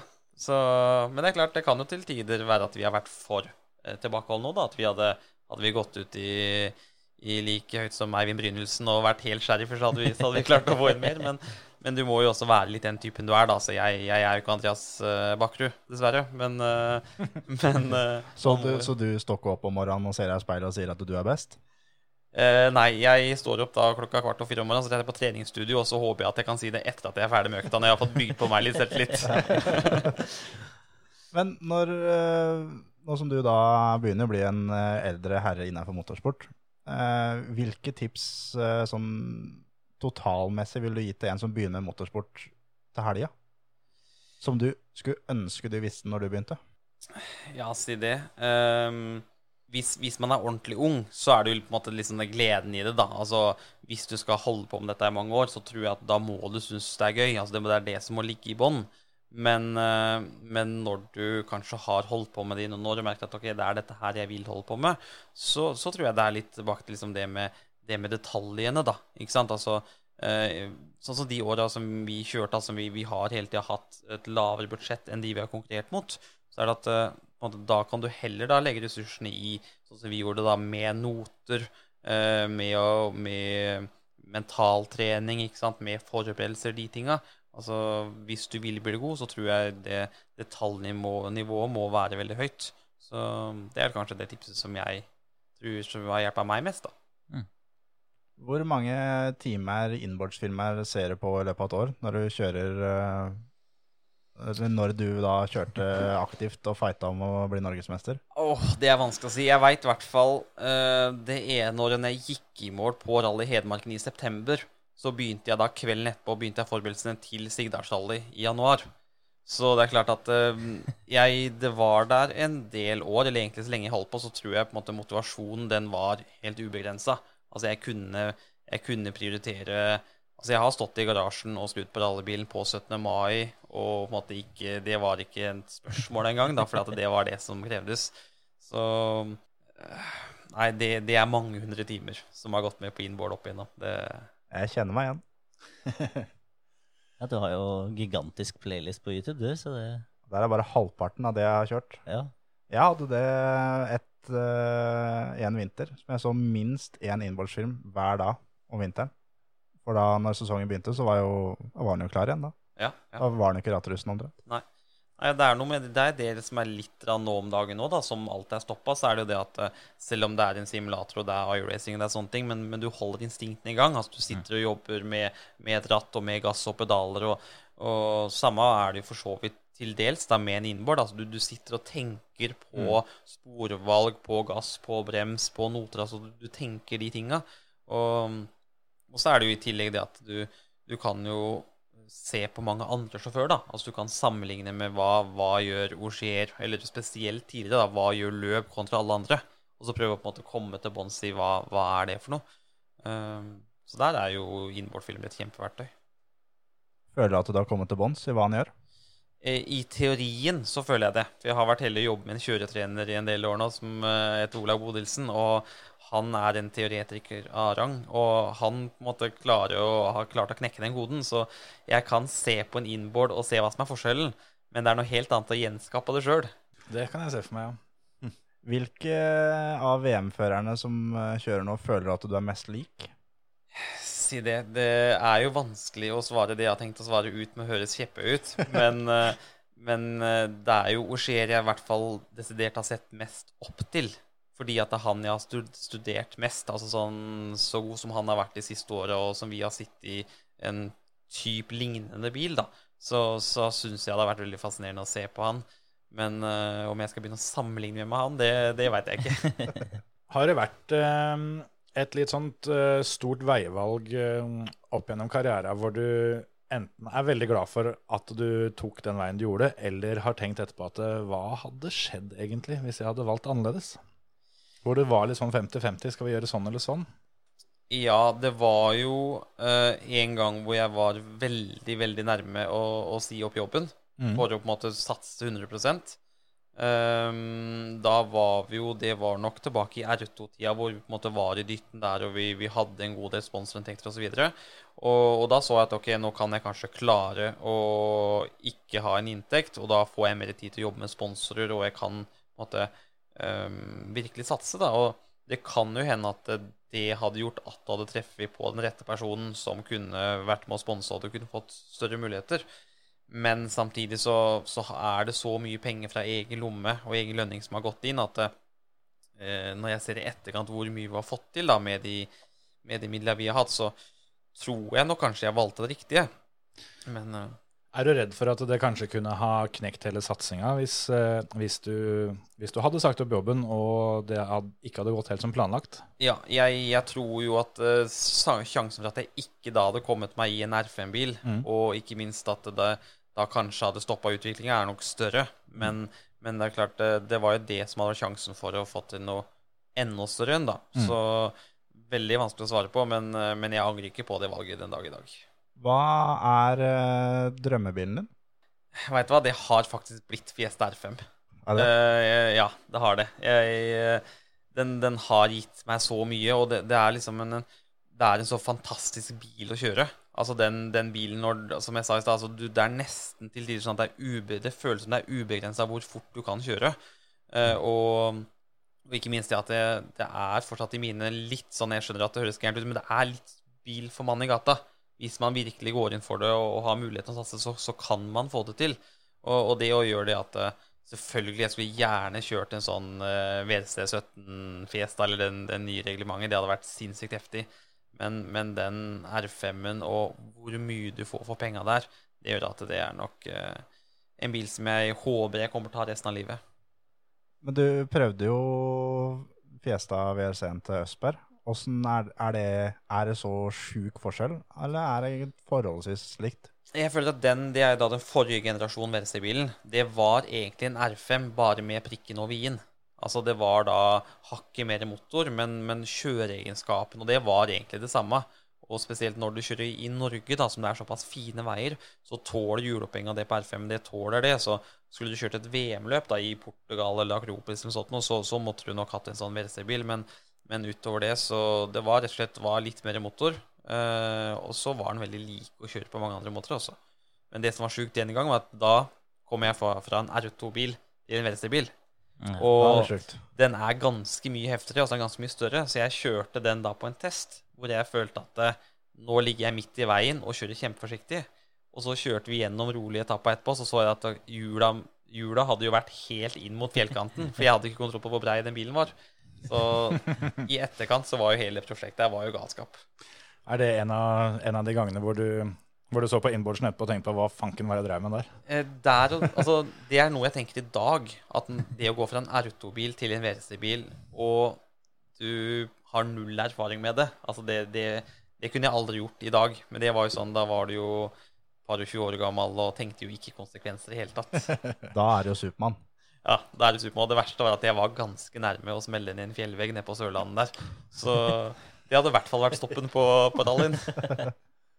Men eh, sånn som Eivind sa, at han er sånn som tar på seg kjøreskoa, kjøredressen og hiver seg uti det og bare kjører. Du skal være litt mer gjennomtenkt og alt sammen. Hvis du hadde fått en telefon nå i dag at, eh, av en fyr at eh, nå har jeg vunnet Eurojackpoten. Jeg betaler for at du skal kjøre en Fiesta da, VRC, nye modellen, om to uker. Hadde du stilt opp da? Eller eh, hadde det liksom vært litt, sånn, litt vondt for deg? Du som har alt gjennomtenkt. Nei da, det, det hadde jeg nok uten tvil gjort. Men da hadde jeg nok gjort absolutt det jeg kunne de to ukene nå for å forberede meg. Altså, jeg, jeg tror ikke jeg hadde på en måte stilt opp der da og bare tatt dette på, på hæren. Jeg hadde nok gjort det jeg kunne fram til den tid. Men, men det er klart at igjen, da, jeg skulle gjerne hatt da enda mer tid til å forberede meg hvis jeg hadde fått den muligheten. Men eh, jeg hadde ikke klart å si nei. Det hadde jeg ikke. Og så har vi jo, for alle som hører på, så har vi jo en konkurranse gående. Som vi egentlig har tenkt å kåre vinner i dag, men vi skal gi dere én uke til å bli med. For Frank Tore har jo ennå ikke kommet med noe bidrag. Så der er da den beste pressekonferansen eller kommentaren. Intervjusituasjonen. Intervjusituasjonen. Mm. Og det har vel ikke kommet så veldig mye av Petter ennå. Ikke noe Petter, ikke noe Henning, tror jeg. Eh, Det var vel de to jeg hadde forventa vi skulle få full eh, kavalkade av. Men eh, så er det bare én Kimi. Ja, det er Det som har kommet, er bra. Så, Ja, veldig, veldig bra. så lista ligger høyt. Sjøl har jeg valgt en som ingen skjønner hva sier. Det er jo det som er litt gøy i seg sjøl. Men Premien er da et ratt sponsa av Stian Søle Motorsport. Mm. Så der har du mulighet til å vinne inn til ratt til, til riggen din. Da kan, da kan Per få lov å skru litt igjen, vet du. Det hadde vært helt nydelig. det finner dere på Facebook-sidene våre. eh, og ved å bla litt ned der, sånn, så finner dere konkurransetråden. Så er det bare å poste inn eh, et videoklipp eh, der av et, et intervju fra en pressekonferanse eller målgang på rally eller, eller den slags. Dere, Det kan være inboard på rally òg. ja, det får vi vel si er greit. Alt av morsomheter egentlig som er tatt opp. Skulle ønske pressekonferansen fra når du ble med to i VM, fortsatt er på nett, for da hadde jeg påstått den. Ja, takk Gud for det. jeg tror jeg sa tre ord hele Bare om og om igjen. Så Incredible. Yes. Har eh, vår venn Markus Grønholm eh, kommet med som et eh, bidrag ennå, eller? Han er med. Jeg husker at uh, når vi lanserte konkurransen, så sa jeg til Terje det at uh, den der, hvis ingen andre tar den, så tar jeg den. Men jeg skal gi folk en sjanse. Og det var en som, eh, en som greip den. Men han har flere bra, han altså. Han, eh, han har kommet med ganske mange. Men uh, Up Timos ass, den, den er med. Der er det jo håndbevegelsen som er prikken min for min del. At den er kommet igjennom. Du må ha videoen for å, for å få hele gleden. Fantastisk. Grønholm er, Grønholm er fin. Men apropos det, eh, hva er det verste minnet du har hatt sånn intervjumessig? For du har jo vært med på noen intervjuer. Ikke si den siste timen nå. Nei, dette har bare vært kos. Um, nei, hva skal en si? Jeg tror nok uh, For det, vi- for det, er, jo, det er jo ikke alltid like fett å få en båndopptaker på rallyradioen eller uh, en mikrofon fra NRK opp i trynet. Nei. Det har vært noen fæle når du, når du da taper Nå er det Det er ikke så ofte jeg har gjort det, faktisk, men når du taper en sånn sekundstrid, en sånn skikkelig sekundstrid mot uh, f.eks. en drammenser du hater å bli slått av, eller noe i den duren, så da, da er det tungt å skulle på en måte svare diplomatisk. Fordi vi blir jo gjerne intervjua før vi har fått av oss hjelmen. Altså vi på en måte, vi, vi, pulsen er jo og adrenalinet er jo opp etter øra idet du går i mål. Og så får du mikrofonen inn, og du hører at ok, du er tre tiendedeler bak. Da, da er det tungt å skulle gratulere konkurrenten med seieren, altså. Ja, det skjønner jeg. For, for mikrofonen er jo inni bilen din når du får vite at det her gikk dritt. Dæven. Jeg hadde ikke, jeg hadde ikke klart det. Jeg hadde ikke klart å styre det. Men apropos det, der er jo eh, en, en del sjåfører som er mer kjent enn andre for å ha en unnskyldning eh, for eh, enhver type situasjon. Åssen er du der? Ehm, jeg føler jo sjøl at jeg er ganske flink på å være hva skal man si, ærlig og oppriktig. Og ikke minst det de siste åra veldig sånn fokusert på å få fram gleden i dette her. Altså Jeg har jo sittet sjøl noen ganger når jeg ikke har kjørt løp hørt på alle radioen og føler at det er veldig mange som eh, skal komme med unnskyldninger og ikke er fornøyd med ditt og datt. Mens, mens sånn, jeg tror det er ganske mange som gjerne skulle bytta plass med meg. da, Fått kjørt en R5-bil i NM og opplevd de tinga som, som, som vi har gjort. Så uh, i mine øyne så, så er det litt det å komme i mål og vise glede over det du, det du får til å holde på med. Eh, og så er det litt at jeg, jeg tror ikke spesielt på uflaks. Uh, sant? Det å på en måte komme i mål og skylde på ditt og datt. Da, da har du enten gjort for dårlige forberedelser eller for gjort en for dårlig jobb, og så, og så får du heller bruke det til å, til å bli bedre. da. Er det noe som irriterer deg litt hvis du Hvis det er du som trekker lengste strået, da, og så får du høre etterpå at jo, jo, men eh, jeg hadde jo egentlig ikke, ikke kjangs til å henge på fordi ditten og datten. Er det noe sånt som du tenker at åh, klapp igjen, da? Ja, for det er litt sånn at da føler jeg da underbygger du også din egen prestasjon. Hvis, hvis du sjøl kan gå i mål og bli nummer to og si at i dag, i dag sto jeg og kjørte, altså dette her var helt rått, men, men han andre var bedre enn meg, da, da bygger du opp på en måte deres egen prestasjon og ikke minst markedsverdi, altså alt sammen. da, Og, det- og det var jo det som var så gøy med Eivind i året. Ja. Altså, Da var det sånn at eh, han kom i mål og fortalte at han var så og så brei der, og han hadde holdt fullt der, og på en måte ting var helt verst. Og da, da var det mye lettere å på en måte skulle prøve å henge på det. Og, og samme er det jo da altså, den dagen du blir nummer to, da. Hvis du da forteller hvor rå han som vant var, og han gjør det samme til deg i løpet etterpå, så, så får jo folk med det inntrykk av at eh, ok, disse gutta her holder på, eller jentene for den saks skyld, holder på på et høyt nivå. Men hvis du kommer i mål og forteller om alt som ikke funka, så høres det ut som han som vant, heller ikke var spesielt god. Ikke sant? Så Ja, da er det plutselig ikke et så veldig høyt nivå lenger. For da det er, det, er ikke, det er ikke rart jeg ble nummer to, for jeg hadde jo ikke femte gir, liksom. Og det er litt sånn Norge er jo såpass lite at da må man jo I hvert fall hvis man har ambisjoner utover her, da, så må man jo prøve å bygge hverandre opp litt. Da. Så uten tvil. Er det ofte du tenker sånn eh, når du hører eh, en eller annen kreativ forklaring, at du, du veit ganske sikkert at det der er bare tull?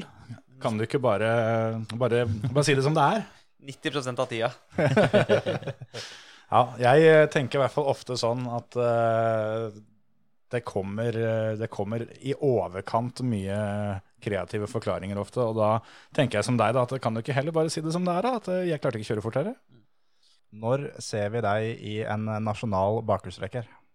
Det var jo faktisk Jeg hadde jo R5-bilen litt sånn halvveis til salgs i, i fjor høst. Hvor Olav Fredriksen var jo testkjørt den og var jo veldig nærme å kjøpe den bilen. Og det var jo mens jeg da jobba med en nyere R5-bil. Men da var jo planen at hvis jeg ikke får til en ny bil, men bilen blir solgt, da skal det en eskort uh, på gården. Du kunne ikke, kunne ikke bare bytta jevnt med Volvoen til Olav, da? Det tror jeg faktisk, men jeg ser jo de der Hvis en Escort MK2, da, som er min drømmebil, de koster jo nesten like mye som det jeg hadde fått for R5-bilen min. Så det, skal du ha en sånn filmilsutgave der, så tror jeg faktisk jeg måtte betalt litt mellom, til og med. Ja, det, For akkurat den så er det kanskje verdt å Ja, så det, det hadde vært drømmen, faktisk, å få prøvd det. Det må være en sjuk følelse, tror jeg, med da en Eskort MK2 ned hos Smådøla. Da er det bare å holde seg fast, Du altså. får ordentlig huskun på den der, ja. Oh. Men uh, apropos å holde seg fast, det har jo vært en, eh, en, uh, en dirt rally-konkurranse som har blitt kjørt. Ja, Aha. apropos det. Vi har jo øhm, nesten fått en ny bestetid. Ja, dæven, det var nære på. Det var nære. Det hadde jeg helt glemt. Vi, vi fikk jo, vi fikk jo ny, ny bestetid forrige uke, etter at eh, Stian Armestad satt eh, tida først, som sto i eh, flere måneder. Så var Jarl Tein her og tok den for ei uke siden. Men det så ut som at han bare skulle få ei uke på tronen. Men det var så vidt det glapp der. Ja, det var det. Det er vel nå jeg skal begynne da å komme med alle unnskyldninger som gjør at jeg ikke vant. Nei, det var uh, faderen, altså. Det var uh, Det var noe motstand og noe brems og noen greier her. Jo, det var litt uvant, ja. Jeg skal innrømme det. ja. Men det er nesten sånn at det hadde vært bedre å vært et par sekunder bak, fordi det er de tiendene jeg veit jeg har så mange steder jeg kunne ha henta. Men Du du, er under ett sekund bak. ja, det er akkurat det. Men, Men så, du kan jo i hvert fall, i hvert fall trøste deg med at du, du slo jo Stian Ormestad, som eh, har hatt bestetida så lenge. Så hvis du bare hadde vært der ei uke, uke tidligere, så Ja. hadde du tatt den. ja, akkurat det. Og så føler jeg at han som er for meg, er jo også en litt i å bygge opp, da. Ja. Han er jo en habil eh, simracer. Så jeg føler ikke eh, det er så mye skam involvert i den andreplassen, men eh, det er klart eh, Man er aldri fornøyd med å bli nummer to. Du klokka er da inn på 3.13,675, og Jarl, eh, som har bestetida, har 3.12,936. Stian på tredjeplass har 3.13,797. Så det er et sekund opp og et sekund ned. Nei, tiendedel ned. Tiendedel, ned, ja. ja. Så det tiendedel er faktisk viktig. Ja, ja, det er kjempeviktig. Vi har tre mann innafor sekundet. Det har vi. Så da blir det spennende å se, da, med Eivind som kommer til uka. Det er vel kanskje altså Ut ifra åssen den praten her har gått, så tipper jeg at det er litt viktigere for deg at Eivind havner bak deg, enn at du ikke tok Jarl. Ja, det kan jeg være enig i. Du, den, men jeg har faktisk sett Eivind kjøre dirt. Ja. Så jeg føler at han er enten et godt stykke foran, eller så ligger han opp ned i skauen et eller annet sted. Hadde vært gøy hvis han blei med Fredrik Brenna Lund på bruttlista. Ja, hadde vært moro. Ja, for der, der er Fredrik aleine, så kan hende han trenger selskap der snart. Men apropos det, så tror jeg vi skal eh, si oss fornøyde med dagen, så skal du få lov å ta turen hjem igjen. Og, og så får vi se da om du vil fortsette med iRacing, eller om du vil finne fram dirten for å se om du tar den tida når du får kjøre i fred og ro. Det spørs, det. Vi, eh, jeg må, må nok se om jeg kan få kjørt den tida etter hvert. Men det, det hjelper lite å liksom sende en melding utpå kvelden om at nå er jeg to sekunder foran. Det, Nå det er for så vidt sant. Men uh, du, får, uh, du får komme tilbake utpå høsten eller noe sånt nå, og så gi det et nytt forsøk. Absolutt. Takk for besøket nå, i hvert fall. Takk for meg. Ha det bra. Ha det. Ha det.